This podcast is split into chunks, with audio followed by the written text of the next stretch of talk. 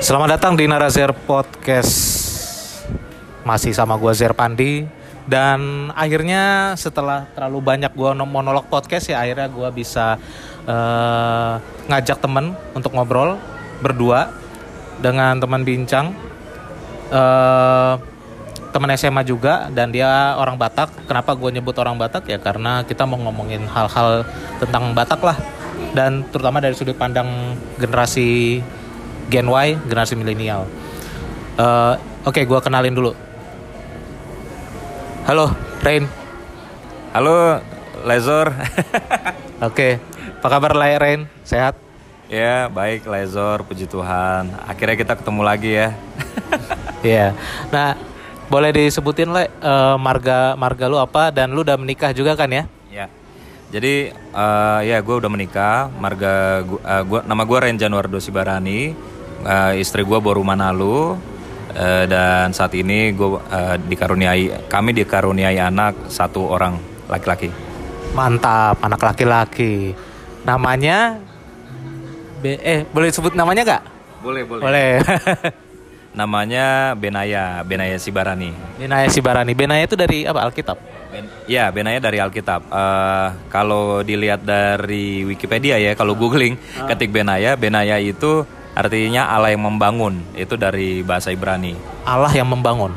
Ya, dan selain itu juga eh, ada tokoh Alkitab Benaya yang merupakan salah satu panglima eh, eh, pasukan Yahudi. Eh, pasukan, iya, pa- pasukan bangsa Israel maksudnya.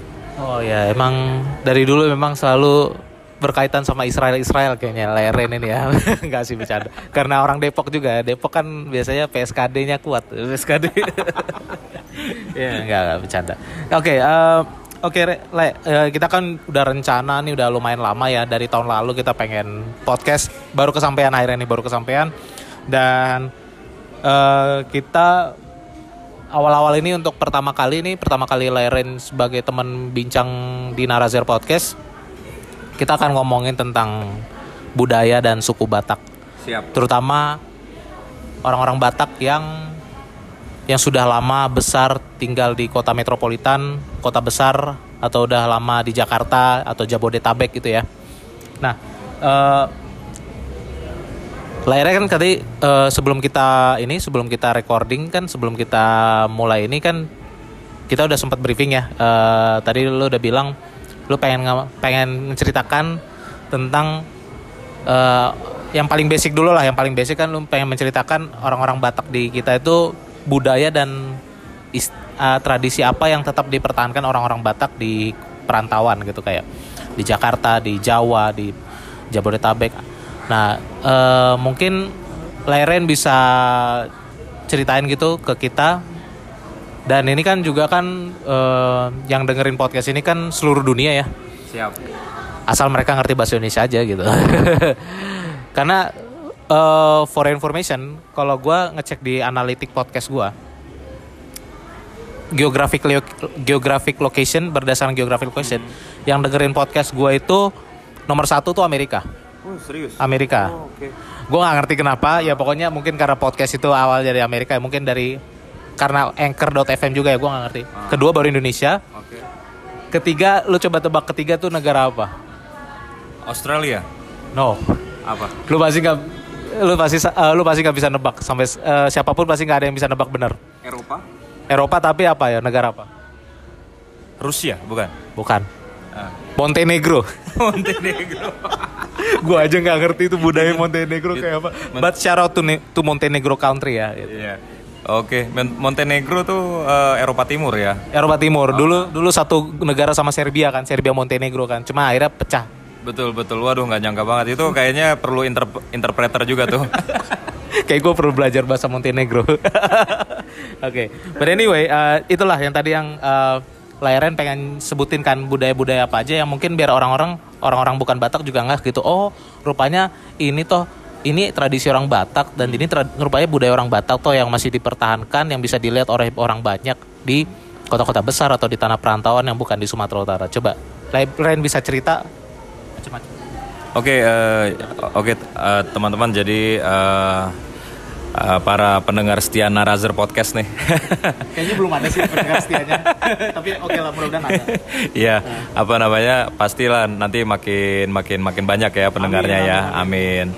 Dan uh, jadi gini uh, kita nih uh, mak maksudnya uh, uh, kita Elizor ya uh, kan, kan nggak gua doang. Lo juga kan sebagai generasi Batak ya uh, sebagai penerus mar marga Pandiangan gitu ya. Jadi uh, kita nih termasuk generasi Y uh, yang yang sudah uh, tinggal dan besar di uh, Jabodetabek ya. Tentu sudah banyak juga uh, informasi yang kita dapatkan, pendidikan yang kita dapatkan, pergaulan teman-teman kita juga banyak ya, nggak cuma dari uh, teman-teman sesuku, tapi dari berbagai suku. Bahkan mungkin oh, nggak cuma orang Indonesia, orang-orang asing juga ada gitu kan, berbagai ras, berbagai ras kan, dari berbagai macam latar belakang, golongan suku dan uh, suku agama dan ras ya. Jadi uh, kita uh, memang dari dari dari kebiasaan uh, nggak persis sama dengan saudara-saudara yang dari uh, Sumatera Utara misalnya ya. Karena memang uh, kegiatan kita sehari-hari pun juga dan penggunaan bahasa pun juga uh, berbeda gitu. Kalau misalnya kita ke Sumatera Utara khususnya ke daerah uh, misalnya Tarutung daerah-daerah uh, apa namanya yang yang masih uh, kampung asal kita ya istilahnya daerah-daerah uh, uh, kampung orang tua kita.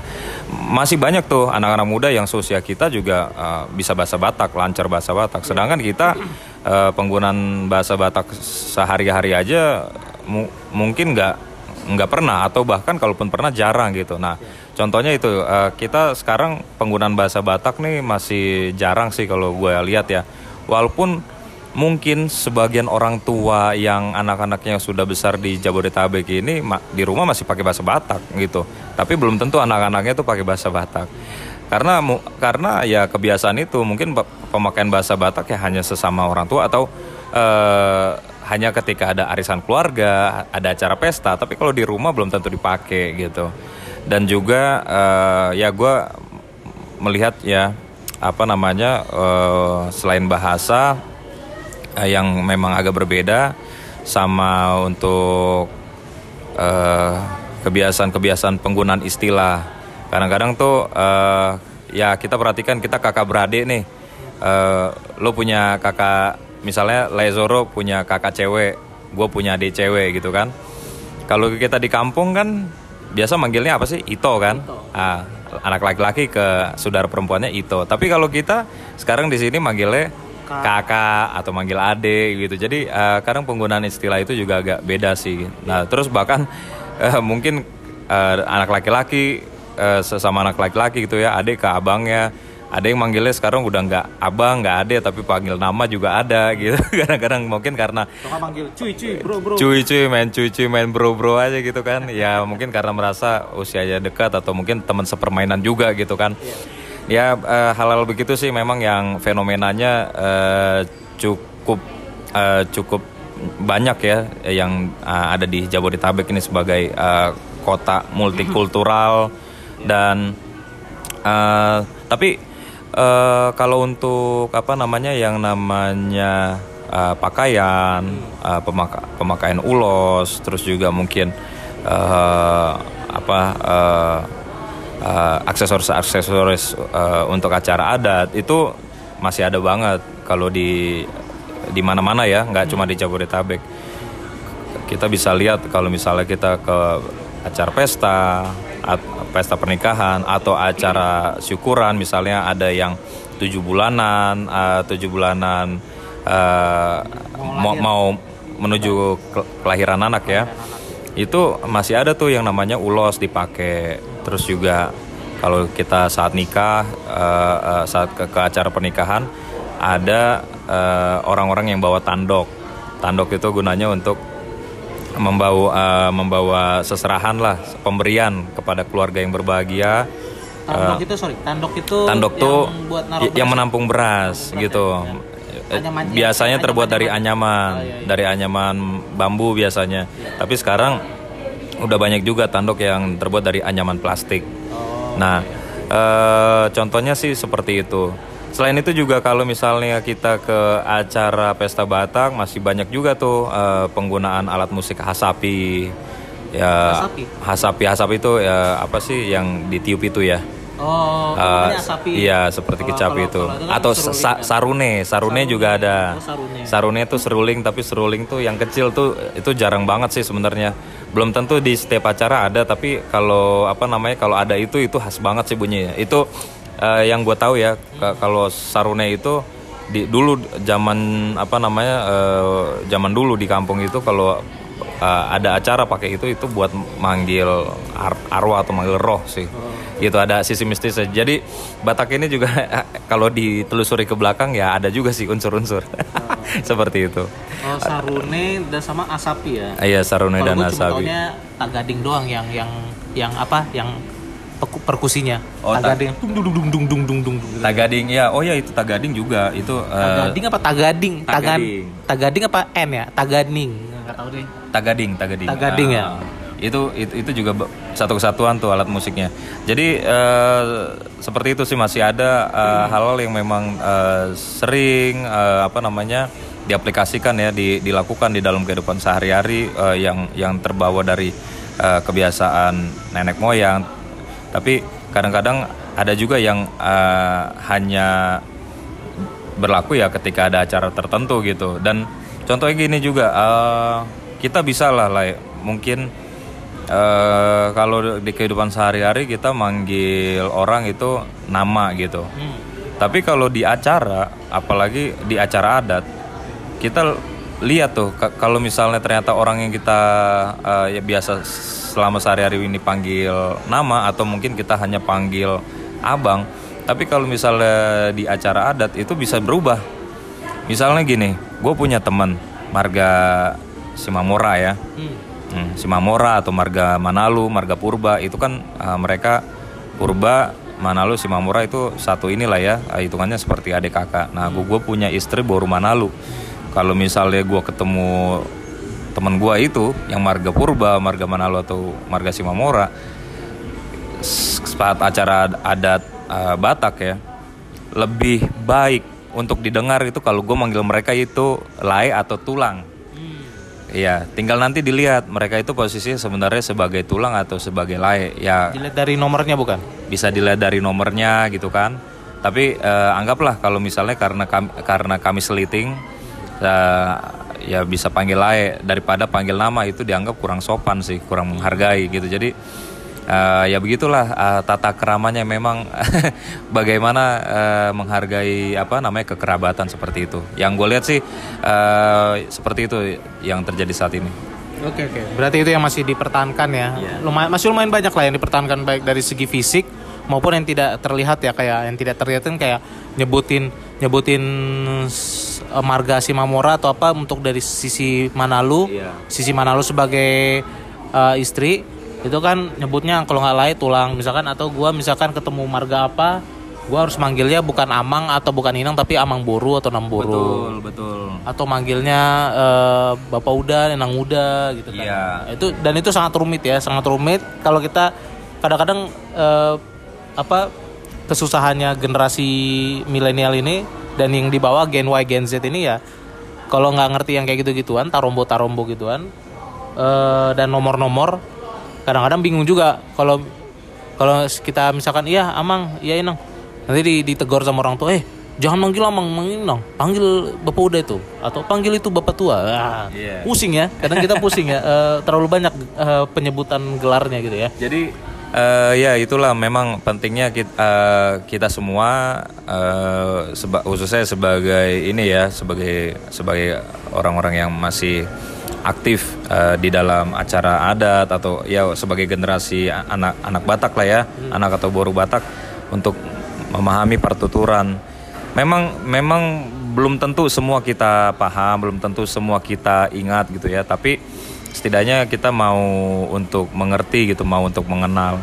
Ya paling aman ya itulah lah kalau misalnya ketemu orang tua kita bingung manggil apa, amang boru apa tulang, ya panggil aja dulu amang gitu kan. Iya betul Atau yang manggil ibu-ibunya inang gitu kan istilahnya itu pun menuakan maksudnya. Jadi kita sebenarnya meng- menghargai kita kita manggil mereka Amang Inang tuh maksudnya menghargai gitu. Tapi nanti kalau misalnya kita sudah tahu harusnya manggil apa ya lebih baik disesuaikan panggilannya.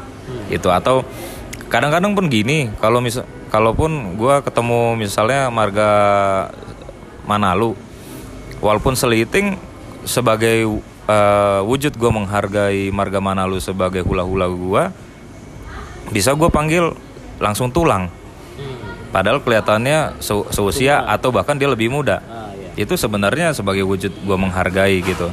Tapi nanti kalau seumpama sudah lebih jauh di, ditelusuri atau dikasih tahu sama orang tua atau kami udah saling mengenal oh rupanya panggil lae. Nah itu itu kan bisa disesuaikan Revisi lah, revisi bisa belakangan. Iya bisa di, di belakangan daripada mentang-mentang gue lihat eh, marga Manalu seusia gitu kan atau lebih muda. Langsung nyebut lae enggak padahal harusnya tulang gitu ya. Iya ka- eh, dan gue nggak kenal orang itu gue langsung manggil lae. Nah ya tiba-tiba nanti nggak taunya gue manggil harusnya manggil tulang. Nah itu kan lebih nggak enak kan. Tapi kalau dari tulang ke lae kan nah, lebih oke lah. Kayak gitu kira-kira lah. Oke, oke, nice, nice. Eh, itu adalah ini ya, eh, buat kalian semua yang dengerin itu adalah 101. 101 Batak Batak culture. 101 how to be a Batak person. Batak. Tapi sebenarnya gue kalau di internasional ya kan kalau Jawa kan disebutnya Javanese. eh Javanese, terus kayak Sunda Sundanis, Yes. Bali Balinese. Yes. Menurut gua Batak itu nggak bisa sebutannya. Ini ini ini ini tri- bukan. trivianya harusnya Batak bukan Bataknis. Ya. Apa dong kalau bukan Batak nih? Harusnya Batak itu eh, penyebutan grammarnya harusnya disamakan dengan kalau kita nyebut orang Irak sama orang Israel. Iraki. Iraki, Israeli, Bataki harusnya Bataki. Karena Irak kan Q, nyebut Q-nya kan sama kayak K kan, Batak kan. Harusnya pakai Bataki. Harusnya ya, cuman ya mungkin orang Batak kurang kurang kurang aware dengan itu atau enggak orang Batak yang punya komunitas internasional kurang bisa lup- lupa atau tidak sadar untuk me- me- me- me- merevisi itu. Menurut gue sih, kalaupun bukan Bataki, at least jangan Bataknis, karena nggak cocok. Kalau dari segi dari segi grammar bahasa Inggris ya, ini baru Inggrisnya doang ya. Oke, jadi kayak uh, Bali itu kan huruf terakhirnya kan huruf vokal. Balinese, Java huruf terakhirnya vokal, Javanese. Jadi uh, Sundanese Sundanese. masih huruf vokal. Sedangkan kalau Batak itu kan huruf konsonan ya paling belakang. Oke. Jadi uh, lebih cocok mungkin contohnya ya Irak. Irak Iya. kalau dilihat dari sisi Inggris ya. Inggris saja. Oke. Kayak orang Finlandia disebutnya Finnish. Oh. Iya iya iya. Finlandia. Iya kayak uh, Scot- Scotland pun juga Scottish. Scottish. Iya, Terus bukan bukan bukan Scotland A- Ireland juga Irish, Irish. England juga English. English, Oke. iya, gitu. Wah itu nanti eh bolehlah itu jadi masukan mungkin untuk generasi beberapa tahun ke depan. iya. udah paling nggak udah lebih terbiasa dengan istilah itu ya. Betul betul. Eh, at least kita punya koneksi. Kalau ada siapa pun kalian yang punya networking di komunitas orang-orang peng ini ya ahli-ahli bahasa ya, terutama ahli-ahli bahasa, ahli bahasa yang biasanya punya wewenang untuk eh, merevisi isi-isi kamus bahasa Indonesia atau merevisi isi-isi kamus Oxford ya. ya kan komunitas-komunitas ahli-ahli bahasa Inggris lah yang yang di internasional. Itu harus diadvokasi sih menurut gue ya supaya jangan disamaratakan. Karena kan ini juga masalah logika bahasa. Ini kan logika bahasa kan. Kita mainin logika bahasa harusnya jangan pakai itu Bataknis harusnya Bataki minimal Bataki ngikutin Irak aja dulu ngikutin Irak aja dulu atau Israel kan gitu. Ya gitu sih. Kayak Iran Iranian ya masih masuk lah Iranian masih oke gitu. Kalau apalagi tuh eh, Japanese mungkin karena N juga ya. Ya eh, Korea Korean Korean Korean gitu kan ya Chinese Chinese karena China kan China masih A A masih ada huruf ya gitu kira-kira sih. Oke nanti eh, untuk apa namanya penggunaan istilah itu eh, bisa tuh untuk jadi inilah ya eh, tambahan juga eh, buat kita untuk lebih lebih bisa mengkorek lagi eh, apa namanya eh, penamaan itu. Karena ya nggak cuma Batak doang eh, eh, suku-suku yang lain. Dan dan Sebenarnya tujuannya sih eh, ya dengan kita lebih peka terhadap hal tersebut ya ya mungkin eh, itu jadi salah satu pemi- pemacu gitu ya. Kita juga bisa lebih kenal Batak gitu dan Batak lebih dikenal lagi di di apa di dunia gitu. Eh, bahwa ya Batak is one of tribes from Indonesia gitu kan uh, dan dan sebenarnya sih bukan kita mempersoalkan benar salahnya tidak. Cuma kesesuaian aja itu Iya, aja. betul. Eh, demi sema kalau buat gue sih demi semata-mata untuk pengembangan ilmu pengetahuan aja saya ilmu Iya. pengetahuan lah lebih ke ilmu pengetahuan aja. Penya, apa ya namanya eh pemerataan keadilan dalam segi ilmu pengetahuan revisi revisi sains gitu aja. Tapi it's it's it's not eh, it's not a big deal lah belum belum jadi perkara besar tapi oke kita menurut gue kita bisa geser ke bahasan yang lain, subtopik yang lain. oke Kayak eh gue cukup, gue merasa eh, di episode kali ini gue ngomongin tentang Batak itu eh, sedikit banyak cukup valid, cukup legit karena gue ditemani oleh teman bincang yang sudah nikah secara adat Batak, siap ya kan? Rain, Rain Januardo Sibarani sudah menikah secara adat Batak dengan istrinya Boru Manalu. Eh, dan dia juga sudah menikah dari 2018 ya? iya 2018 November 2018 Oke, November 2018. Jadi sekarang udah tahun 2021, at least setelah 2018 minimal di Desember 2018 sampai tahun 2019, 2020 sampai sekarang Rain dan istri adalah keluarga yang sudah sah secara adat Batak, bukan cuma sah secara eh, sah secara agama Kristen tapi juga secara adat Batak sehingga dia punya hak dan wewenang, Rain punya hak dan wewenang untuk melakukan prosesi-prosesi adat, prosesi adat apa pun itu, adat orang menikah, adat orang meninggal, adat misalkan hal-hal lain, adat-adat yang lain ya. Karena kan di Jakarta kita cuman ngurusin itu doang kan kalau nggak menikah, Yap. meninggal sama uh, lahiran. cuman tiga itu aja. umumnya itu ya Umumnya itu aja yang dipakai adat Batak. Eh, dan dan gue pengen eh bolehlah Ren, lah Ren cerita sedikit walaupun baru dua tahun lebih lah pengalaman jadi jadi keluarga adat Batak gitu. Apa aja yang sudah Le, Lai Ren lakukan dalam beberapa prosesi adat yang Lai eh, sudah dapat hak dan wewenangnya lah. Mungkin Lai juga pernah ak- sudah aktif di punguan adat punguan marga Sibarani atau punguan marga Manalu bisa juga kan nah boleh ceritain Oke, eh, kalau pengalaman gua dan istri ya, eh, sejak November 2018 kami menikah, eh, di eh, eh, di tahun 2019 kami sudah berkesempatan untuk memberikan ulos kepada eh, Bere atau ponakan kami eh, yang menikah sa- eh, saat itu di tahun 2019. Eh, untuk bulannya gua uh, agak lupa ya bulan apa tapi yang jelas tahun 2019 uh, itulah momen pertama kami memberikan ulos kepada uh, bere atau keponakan. Kenapa uh, kami sebut bere? Karena yang keponakan kami ini laki-laki uh, punya mama Boru Sibarani, begitu. Uh, punya mama Boru Sibarani dan dan gua dengan mamanya itu dengan mamanya itu hitungannya Marito atau seperti kakak ade lah. Ah, seperti gue manggil mamanya itu kakak jadi Marito kan kami ya. Iya. nah ah, manggil gue manggil itu ke mamanya. Nah jadi anaknya manggil ke gue tulang manggil ke istri gue nan tulang. Nah seperti itu jadi eh, itu yang pertama untuk Mangulosi. Kalau untuk Mangulosi berikutnya sampai saat ini sih belum eh, pandemi ya? Ya, apalagi di tahun 2020 itu eh, nggak pernah gue datengin ke acara acara-acara pernikahan adat Batak karena memang banyak acara pernikahan adat Batak maupun pernikahan-pernikahan lainnya yang diundur juga eh, ke akhir tahun 2020 atau 2021 dan eh, saat ini memang eh, belum ada lagi sih yang yang yang gue hadiri gue sebagai sebagai pihak tulang gitu ya eh, atau sebagai pihak dari Boru pihak wanita yang eh, yang ikut mendukung secara langsung gitu acara itu. Jadi cenderung setelah eh, eh, momen pemberian ulas di tahun 2019 itu ya kalaupun ada pernikahan ya gue sebagai peserta aja. Nah lalu di 2019 juga kalau nggak salah itu bulan bulan apa ya Oktober kalau nggak salah ya. Bulan Oktober eh, itu eh, ada acara tujuh bulanan, tujuh bulanan Anak i- istri gua yang sedang hamil eh, dan akan melahirkan anak. Nah itu istilahnya kalau tujuh bulanan di di Batak itu apa ya Mambosuri kalau nggak salah.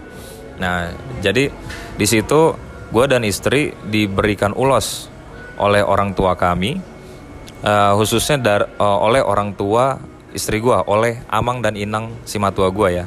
Amang inang si matua itu maksudnya bapak dan mama mertua. Nah, yang merupakan calon dar, calon opung dari eh, anak kami atau dari cucu amang inang si matua gue gitu. Nah, jadi amang inang si matua gue yang merupakan hula-hula gue uh, yang memberikan ulos. Nah, jadi ulos itu sebenarnya tujuannya sebagai simbolisasi untuk memberikan uh, restu, memberikan berkat uh, dalam menyambut kelahiran anak. Nah, pemberian ulos untuk uh, anak yang akan lahir itu sebenarnya hanya berlaku untuk anak pertama. Oh. Jadi kalau nanti ada anak kami yang kedua, uh, kalau Tuhan kasih karunia anak berikutnya itu tidak perlu lagi ada acara pemberian ulos itu. Tapi acara tujuh bulanan tetap Acara tujuh bulanan tidak perlu lagi. tidak perlu juga. Oh. Tidak perlu lagi, iya. Jadi itu sebenarnya hanya untuk anak anak pertama aja ya yang mengawali. Eh, ya kalau misalnya nanti untuk anak berikutnya mau eh, bikin syukuran ya nggak apa-apa juga. Tapi yang namanya pemberian ulos itu atau acara tujuh bulanan yang khusus itu nggak nggak nggak nggak wajib lah istilahnya. Official adatnya tuh cuman yang anak pertama doang. Betul. Adatnya ya. Yang Office- wajib, di, wajib dirayakan secara adat. Betul, yang ofisial adatnya itu, yang anak pertama. Ya nanti kalau misalnya ada pertanyaan, eh, terus bagaimana kalau anak eh, ah, kalau begini begini begini kalau anak pertama gimana? Ya kalau udah pernah ah, pernah melakukan untuk anak pertama, ya untuk anak-anak berikutnya ya nggak perlu lagi. Begitulah, ah, kira-kira begitu. Ah, terus eh, itu kan ya yang acara seperti itu ya, yang pernah gue jalanin juga. Terus untuk berikutnya. Oh ya, ini eh, di tahun 2020 bulan September, gue punya adik nih, eh, adik adik gue yang dibawa gue langsung, I- ya adik kandung gue eh, perempuan, hitungannya itu gue kan, itu gue menikah di bulan September 2020. Nah, itu gue nikah dan ya gue sebagai eh, abangnya ju- punya andil di situ, ya apa namanya eh, sebagai pihak yang juga ikut merestui lah. Eh, dengan istri gua juga kan. Secara tampilan berarti kalau pesta adat itu lu berarti duduk di sebelah orang tua ya. Yang di panggung-panggung pengantin itu. Betul. Jadi seme- semesti Spesialnya Batak di situ kan. Iya, jadi semestinya begitu. Kalau seandainya pada tahun 2020 kemarin, bulan September kemarin itu, eh, Kalau normal ya kalau ya kalau situasi normal itu rencana mau eh, acara pernikahan adik gua mau dibikin pakai adat, ya. Tapi Eh, tapi karena eh, situasi tidak memungkinkan, jadinya eh, hanya pemberkatan aja. oh Dan adatnya belum ya. acara adatnya eh, nanti mungkin di kemudian hari kalau kalau pandemi sudah berakhir atau nanti rencana mau bikin sulang-sulang paupu aja karena lai gua eh, lai gua yang merupakan suaminya adik gua itu kan sebenarnya mau dikasih marga Sitompul dia, dia dari eh, apa namanya keturunan eh, Chinese ya Oh, bukan Ah. orang Batak ya. Iya, Jadi bu- kasih marga. bukan keturunan Batak, eh, tapi mau dikasih marga. Oh. Nah, mau dikasih marga Setompul. Nah, rencananya begitu tadi yang mau diadatin, tapi ya eh, mungkin Tuhan eh, mengarahkan seperti inilah ya jalannya. Nggak masalah sih, yang penting sudah diber- diberkati lah, sudah diberkati oleh gereja dan dan nanti kalau eh, apa namanya mereka sudah dikaruniai anak bisa diadakan adat namanya sulang-sulang pahupu gitu. Jadi artinya anaknya Ito gua ini sama Lai gua tetap bisa dapat marga dan Lai gua pun juga dapat marga begitu. Hmm. Eh, jadi yang gua ingat sih begitulah ya eh, sampai saat ini yang udah pernah gue jalanin sama istri Eh, dan oh ya eh, sama satu lagi yang baru-baru ini nih kemarin bulan Februari Aha. bulan Februari ini di bulan masih di bulan ini juga tangga ya tanggalnya inilah ya tanggalnya khusus lah ya itu Eh, biar jadi eh, pribadi aja nah Oke oke. jadi eh, kemarin itu ada syukuran baptis. Hmm. Nah, jadi acara baptis anak juga kemarin dihadirin sama uh, orang tua gua sama Amang Inang Simatua gua juga. Eh, Amang Inang Simatua gua juga memberikan ulos ke kami. Oh, Karena setelah dibaptis di gereja pulang ke rumah ada adatnya gitu ya. Iya, jadi eh, memang eh, acara syukurannya itu juga terbatas hanya oleh keluarga dekat aja, mengingat juga masih pandemi ya, jadi eh, prokes juga tetap dijalankan, protokol kesehatan. Eh, dan ya eh, opungnya anak gua amang yaitu Amang Inang Simatogo memberikan ini memberikan ulos berkat dan dan eh, pemberian ulos itu juga sepertinya ya kalau gua nggak salah ya untuk untuk anak yang dibaptis atau ditardidi itu hanya untuk di anak pertama kalau nggak salah. Kalau nggak salah ya uh, mau anaknya cowok mau anaknya cewek tapi kalau anak pertama kalau nggak salah uh, itu hanya di anak pertama. Anak berikutnya um, sepertinya tidak deh tapi uh, itu yang kemarin gua kalau nggak salah pernah dengar gitu Hmm. Ah, nanti bisa dicek lagi lah di cross check lagi seperti itu Ya, kalau gue menambahin sedikit seingat gue, kal mungkin kalau ulos benar ya. Tapi mungkin kalau pahopu atau cucu ya bahasa Bataknya cucu, pahopu itu biasanya berapa banyak pun pahopunya, berapa banyak pun cucunya itu nanti tetap akan diprosesi secara adat tapi bukan pakai ulos tapi dikasih beras di kepalanya. oh Kasih beras, kasih beras gitu. oke Nah, jadi gua kan dulu mungkin gue juga nggak diolosin sama opung gua tapi gue dikasih beras waktu opung gua datang ke Jakarta anak cucu-cucunya cucu-cucunya dikasih beras di kepala gitu kayak kayak tanda bahwa semoga diberkati dan diberikan keselamatan sama yang maha kuasa kayak gitulah Oke. Oke, berarti eh, tetap ada ya yang namanya apa namanya Dikasih acara syukurin itu ya sebagai simbolis ya. Iya, Oke. tetap nanti ada kalau lu udah punya anak kedua ketiga dan seterusnya gitu kan Siap. Hmm, gitu ya. Udah lumayan menarik juga sih apa eh, apa namanya? eh, menjalankan menjalankan peran sebagai orang Batak yang sudah sudah secara secara karena eh, for information eh, all listener ya jadi nggak semua orang Batak itu berhak me- mempros- melakukan prosesi adat ya karena Ya. eh, harus nikah secara adat Batak. Itulah makanya kenapa kalau kayak gue nih, gue kan masih single, gue belum, gue masih lajang, gue belum belum nikah. Jadi gue nggak nggak nggak berhak melakukan apa yang sudah dilakukan oleh Laren seperti ngulosin ngulosin Belum ya, belum. berenya ya belum belum Bu- seperti ngulosin eh, berenya ngulosin si ini si itu gitu kan. Terus duduk nggak berhak duduk di panggung pengantin bersebelahan dengan pengantin karena biasanya urutannya kan orang tua baru habis itu bapak tuanya bapak udahnya baru anaknya yang satu marga gitu kan. Makanya panggung panggung, panggung pengantin Batak kan lebar banget kan. Iya. karena supaya bisa muat keluarga pengantin perempuan laki-laki yang dari sisi marga laki-lakinya kan gitu ya. Iya. Jadi eh, Lezor eh, mau ini aja sih apa namanya eh, menambahin ya. Eh, mengenai eh, hak dalam berkontribusi di adat itu memang kalau kalau kita sudah menikah sudah berkeluarga memang ada hak khusus. Karena kita dianggap sudah bisa me- mengemban tanggung jawab sebagai eh, sebagai orang tua begitu sebagai orang yang eh, sudah tercatat se- eh, di dalam punguan atau kumpulan yang memang eh, punya ini ya punya punya tanggung jawab lebih gitu kalau sudah menikah. Jadi eh, mau usia berapapun kalau sudah menikah walaupun mungkin kita melihat masih muda banget tetap eh, apa namanya eh, hitungannya beda begitu dengan kalau kita belum menikah Eh, bukan berarti eh bukan berarti apa ya bukan berarti kita harus menikah segera gitu atau atau nikah jadi apa jadi tolak ukur kita untuk berkontribusi enggak sih. Kita pun waktu eh, waktu gue masih single pun belum menikah gue juga s- dukung acara-acara apa yang bisa gue bantu di situ. Kayak mis- misalnya Laezoro kan tadi sebelum kita ngobrol-ngobrol nih cerita eh, di punguan Pandiangan ya kumpulan Pandiangan juga eh, eh, ikut kepengurusan. Dan itu juga yang gue lakukan di punguan Cibarani waktu gue belum nikah pun gue juga eh, ikut pengurusan ya pengurusan di eh, di bagian Aposo atau pemudanya begitu Uh, uh, jadi kalau ada acara-acara terkait Sibarani ya gue juga bisa bantu gue mungkin jadi MC dan sebagainya. Artinya kita bisa tetap uh, berperan aktif. Hanya untuk bagian tertentu yang di uh, khususnya terkait adat. Ada tanda tinggi ah agak agak intinya ya me- memang itu uh, uh, apa beda ya. Dan uh, ya kalau misalnya kita sudah menikah juga kita dianggap bisa sebagai pengganti orang tua juga. Ah, makanya itu kenapa ada peranan khusus Kalau jadi kalau seandainya kita punya orang tua sudah tidak ada, sedangkan kita sudah menikah ya kita lah bisa dianggap sebagai pengganti orang tua kita, perwakilan orang tua kita juga gitu. Seperti itu kira-kira.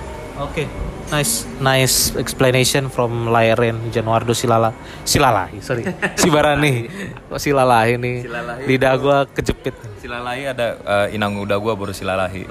Oh, masih ada kaitan, masih ada kaitan. Ada Dicocok-cocokin aja. Oke, eh, oke, ini kan kita udah bahas hal-hal kayak like Batak 101 lah ya, Batak 101, culture, tradition segala macem. Eh, tapi gini, gue sebenarnya gue punya satu poin krit, satu titik, satu poin kritikan terhadap eh, fenomena orang Batak kita ya Ya. gitu. Eh, I mean like gini, eh Ren. Eh, it is good to to celebrate uh, tradition and and and Batak culture ya kayak pesta adat, terus kayak nikahannya ataupun misalkan perayaan eh, opung kita meninggal dirayakan secara adat, Em, baik itu sari matua ataupun sahur matua gitu kan. Kemudian eh, lahiran tujuh bulanan gitu ya. Eh, sebelum lahiran ada tujuh bulanan karena filosofinya kan kalau nggak salah ini kalau nggak salah gue denger ya sebenarnya ini juga tujuh bulanan ini kayaknya bukan cuma orang Batak doang yang ngerayain tapi kayaknya suku-suku lain juga ada yang ngerayain karena filosofinya adalah tujuh bulan itu di tahun bulan ketujuh nyawa itu masuk ya. Eh, nyawa seorang bayi itu baru mulai ada di kira-kira bulan katanya ya gitu ya jadi baru sudah punya jiwa sudah punya jiwa di Ah, sudah bayi itu sudah punya jiwa di umur di umur ketujuh Dan kandungan. dan kalau secara medis ya kalau nggak salah. Kalau nggak salah mohon maaf nih eh, eh, boleh dikoreksi. Kalau usia tujuh bulan itu adalah usia tercepat ideal untuk seorang anak dilahirkan. Walaupun hitungannya prematur. Prematur. Memang idealnya kan 9 bulan ya. 9 bulan eh, 9 bulan pun nggak 9 bulan pas, 9 bulan lebih bisa 9 bulan satu minggu, 9 bulan dua minggu gitu. Nah, tapi kalau usia 7 bulan itu secara medis eh, kalau dilahirkan pun sudah bisa, tapi memang masih prematur. Jadi mungkin itu yang tadi Laizor maksud sudah ada rohnya, artinya dia sudah kuat sebenarnya eh, untuk menyongsong kehidupan di dunia ini untuk keluar dari perut dari rahim ibunya begitu. Oke, nice, nice.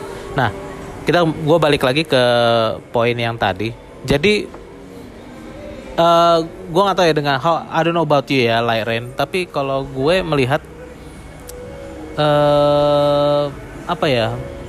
Gue gue sangat setuju kalau budaya Batak itu adat dan tradisinya itu perlu dipertahankan ya baik itu dari segi yang fisik kelihatan seperti ulos gorganya ukiran gorga seperti rumah bolon atau seperti tari-tariannya kemudian bahasanya tulisannya aksaranya itu memang perlu dipertahankan tetapi kadang-kadang gue melihat memang ada beberapa yang nggak harus dipertahankan atau beberapa memang harus diadaptasikan terhadap perkembangan zaman Apa tuh contohnya?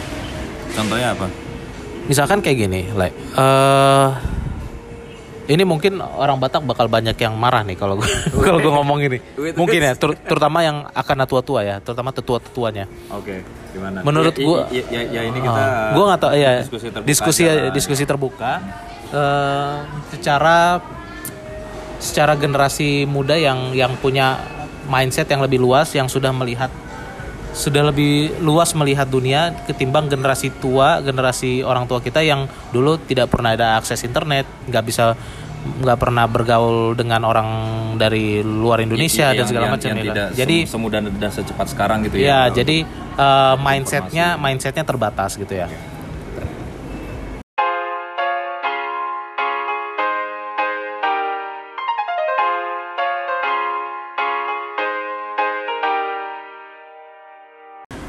Eh, contoh kayak gini, eh, kan kita ada prinsipnya orang Batak kan filosofinya Dalian Natolu ya, Oh ya, Som, Somba Hula Hula, eh, apa lagi tuh? Eh, Somba Marhula Hula, eh, Elek Marboru, Manat Mardongan Tubuh. Oke, gue nggak tahu apa filosofinya kenapa harus Somba Hula Hula, kenapa harus Elek Marboru. Oke, kalau Elek Marboru mungkin lebih ke ini ya, misalkan kita ya kita harus menghargai istri kita, kita harus memperlakukan dengan baik gitu. Cuman ini gue bukannya berarti gue menentang ini enggak. Nilai-nilai ini sangat bagus. Cuman yang gue kritisi adalah kenapa harus ini sesuatu yang wajib gitu ya? Sesuatu yang wajib yang tidak mutlak sesuatu yang absolut. Itu yang gue pertanyakan kenapa? Boleh nggak sih ini jadi sesuatu yang opsional? Boleh nggak sih ini sesuatu yang jadi ya jadi etikanya aja lah jadi etikanya. Tapi gue melihat eh gue mempertanyakan sebagai orang yang istilahnya apa ya generasi yang yang yang yang melihat segala sesuatunya dengan rasional dan logika. Oke. apa dasarnya kita harus wajib somba hula hula Amin gue pos gue di posisi di mana gue ada tiga loh tiga keluarga gue yang tiga ada tiga keluarga yang harus eh, menghormati gue karena gue tulang Karena lo punya eh, saudara perempuan tiga orang. Betul. Dan mereka sudah menikah semua. Sudah menikah Jadi lo punya tiga lae. Iya, yang, yang mana artinya Somba- mereka harus somba lae sebagai hula ah eh, tiga lae lo itu ya menjadikan lo hula-hula yang artinya menghargai lo lah, menghormati lo gitu ya. menghormatinya dengan secara cukup extraordinary Gitu ya? Seperti apa contohnya? Ya, misalkan gini. Ya, yang yang pernah lo alamin deh coba-coba. Gue jadi penasaran nih extraordinary gimana. Eh, maksudnya gini ya. eh, jadi eh, apa pun mau kita harus bis, sebisa mungkin di- diturutin sama layak kita atau diturutin sama bere kita. Kalau bere kita udah segede kita, tulangnya mau minta apa ha- harus diturutin. Istilahnya nih kalau ada ada istilah bercandanya ya, ada meme-nya, ada bercandanya. Kayak layak gue ada ngomong gini kayak eh, kalau disuruh lompat lom, kita lompat gitu kalau kalau istilahnya kalau kalau kalau lainnya gitu ya. Somba hula hula kayak gitu. Cuman jadi kayak tapi itu bercandaannya ya. Kalau suruh lompat lompat gitu. Kalau suruh eh, nyebur nyebur gitu. Cuman maksud gua gini di tapi banyak sih yang mel- banyak sih di keluarga Batak ini yang melanggar itu. Hmm. banyak keluarga-keluarga generasi kayak kita gini atau yang di atas kita itu yang yang tidak yang kurang menghormati tulangnya kurang menghormati hula-hulanya kurang menghormati lainnya. Banyak memang banyak Ini lainnya ini adalah bukan lae lae kayak panggilan umum Iya, ke ketemu orang panggilan- Batak iya. manggil lae gitu bukan ya, bukan. tapi ini lae yang memang lae dekat ya, istilahnya yang lae memang benar-benar Dari terikat ipar, dalam ipar. uh, dalam Ipar, hubungan kekeluargaan ya, pernikahan ya. Oke, oke. Nah, thank you, thank you for for your brief explanation ya. Jadi kayak gitu ya buat yang nggak ngerti ya, buat yang belum tahu tentang ini. Eh, maksud gue itu itu gue pengen tahu aja dulu sebelum sebelum kita mempertanyakan eh, me- sebelum kita mengkritisi hal ini gue pengen mempertanyakan ada nggak sih ahli-ahli ahli-ahli adat yang bisa menjelaskan kenapa filosofinya ini wajib mas hula hula ini wajib bukan sesuatu yang opsional maksudnya kalau lu bisa eh, lu bisa menghormati dan menghargai hula hula kenapa gua nggak boleh jadi gua memperlakukan se- sesuka hati gua terhadap Oke. terhadap layak gua Oke. Gue memperlakukan sesuka hati gue terhadap bere gue gitu kan. Karena kan di sini ketimpangan kan terjadi ketimpangan kan. Harusnya bagusnya ya sama-sama saling menghormati tapi memang adalah beberapa special special treatment yang diberikan oleh itu. Tapi tetap aja sih sebenarnya ini inilah keunikannya Batak ya.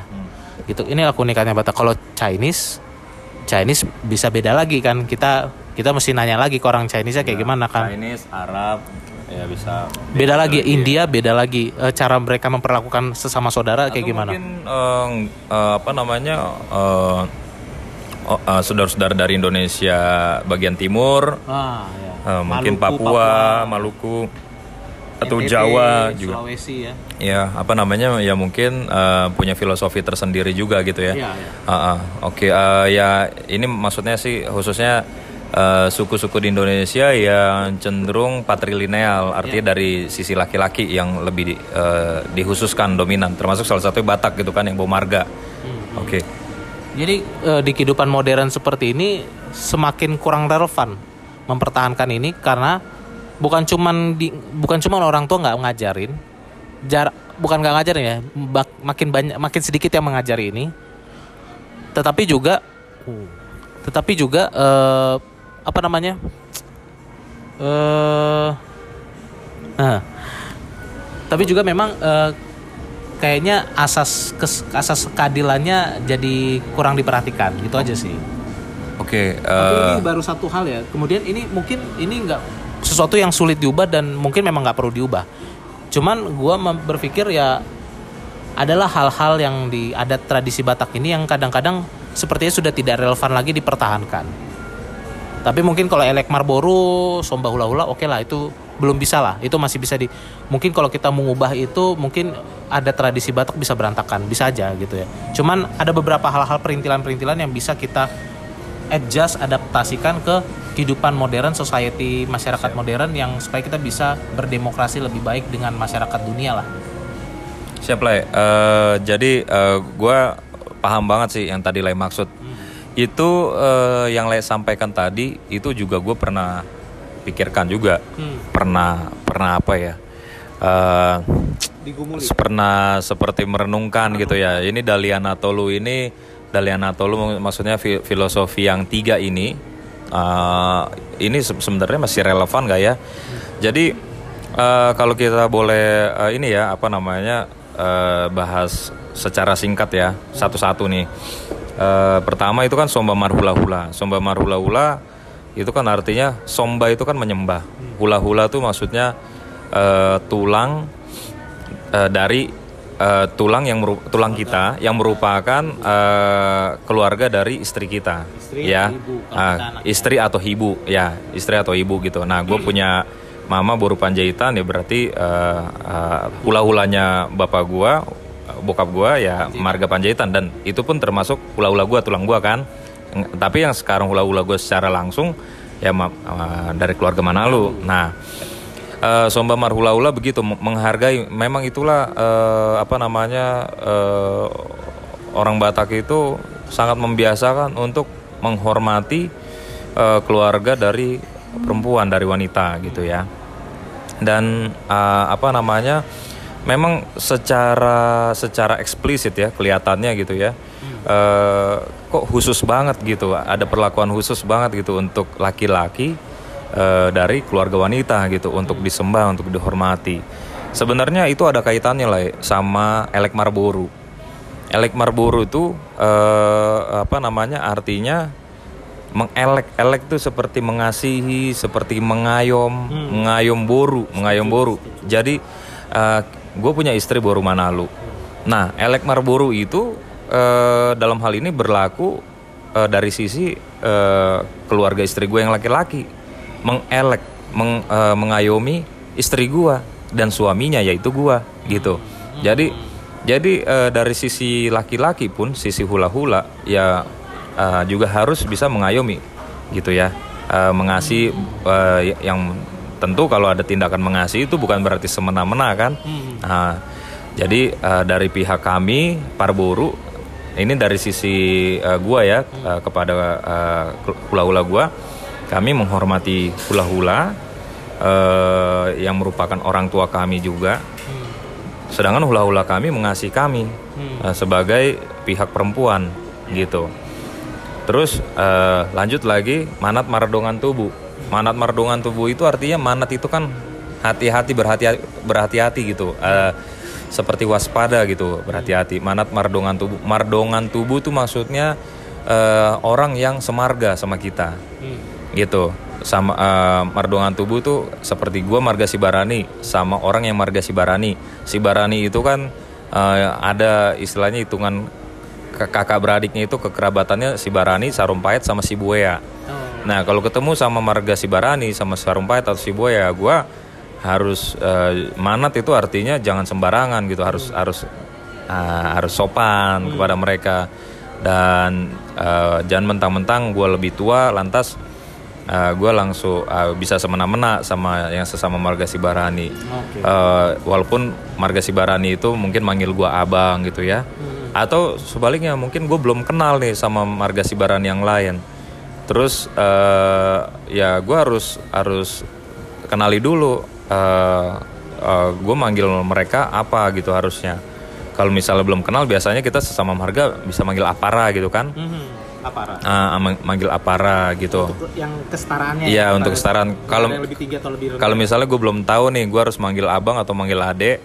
ya biasanya gue manggil Apara tapi nanti kalau uh, kami udah kenalan uh, secara nomor atau secara usia gitu ya nomor satu secara nomor dulu sih uh, nanti kalau secara nomor ternyata sama kita bisa uh, berlanjut eskalasi ya sih meningkat ke kita lihat eh, secara opung gitu. Kalau ternyata secara nomor sama, gue eh, gua misalnya gue Marga Sibarani nomor 16, ketemu Marga Sibarani juga yang gue baru kenal nomor 16.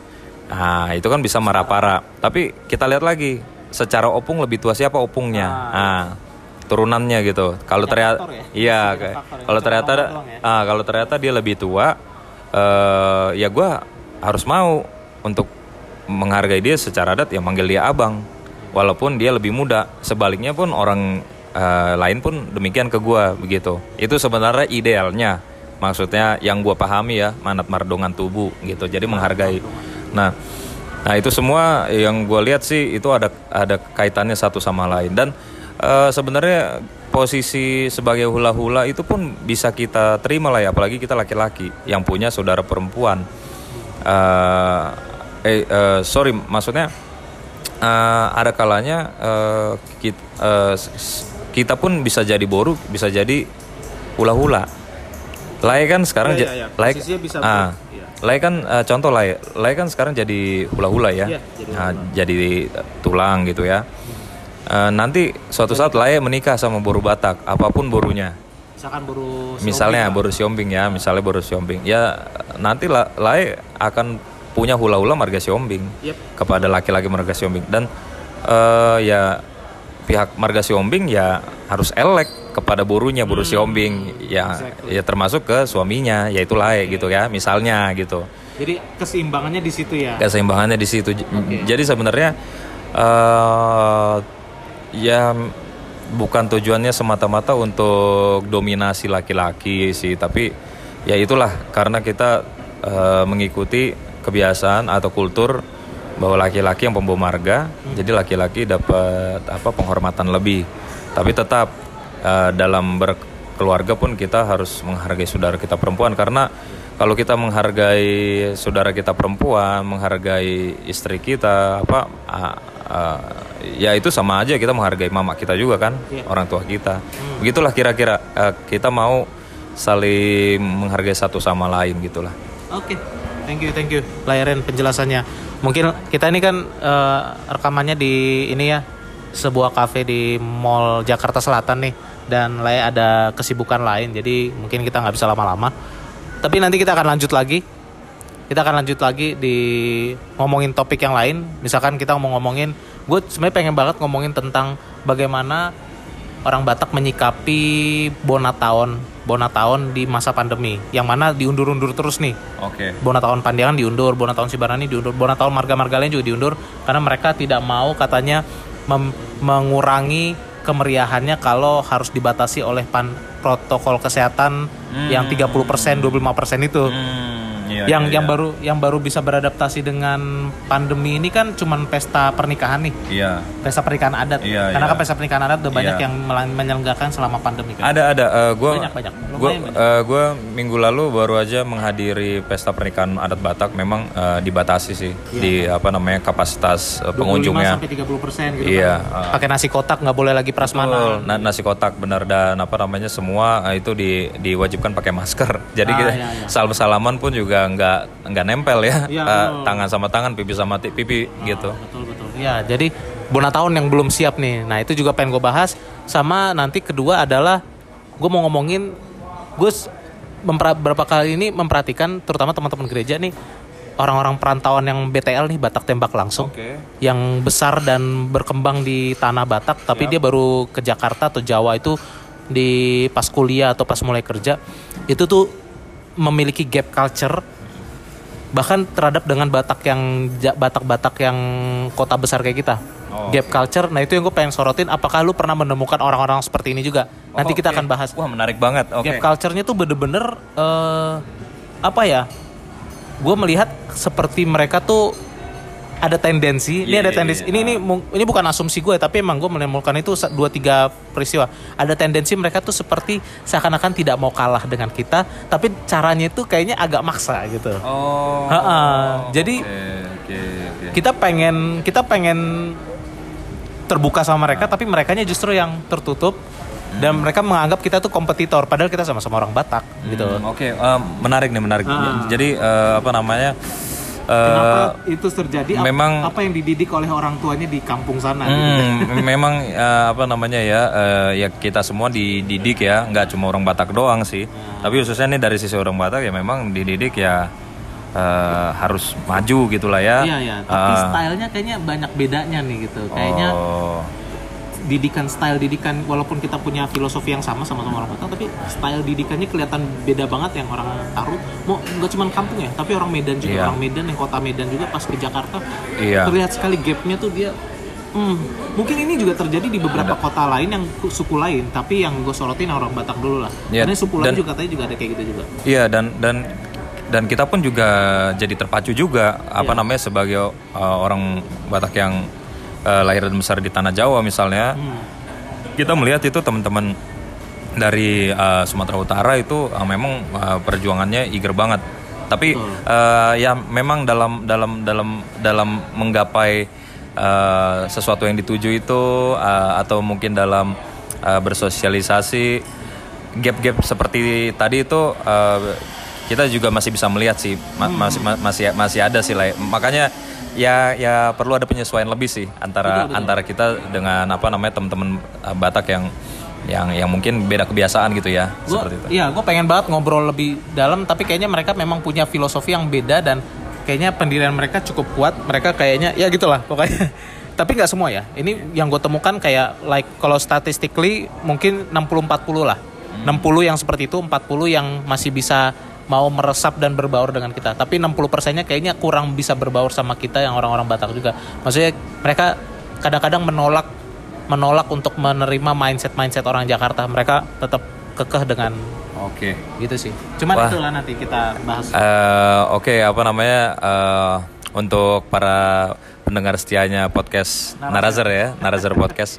Ya eh, ini ya eh, siap-siap aja nanti ya untuk luangkan waktu. Oke, ini karena seru banget nih. Eh, nanti mungkin eh ya kalau kita bisa ngobrol sama narasumber lain juga mungkin eh, insight atau pemahamannya itu bisa lebih banyak lagi kalau memang memungkinkan ya lah ya. Kita punya teman namanya Abed.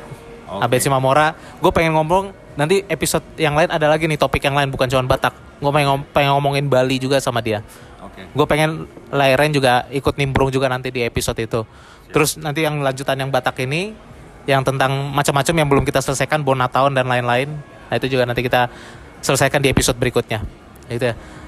Oke kalau gitu kita di episode ini kita undur diri dulu lah ya. Oke, gue Lai gue Lai Zoro lagi. gue Zer Pandi atau biasa dipanggil Zoro. Gue Renjan Sibarani, mulai Godang.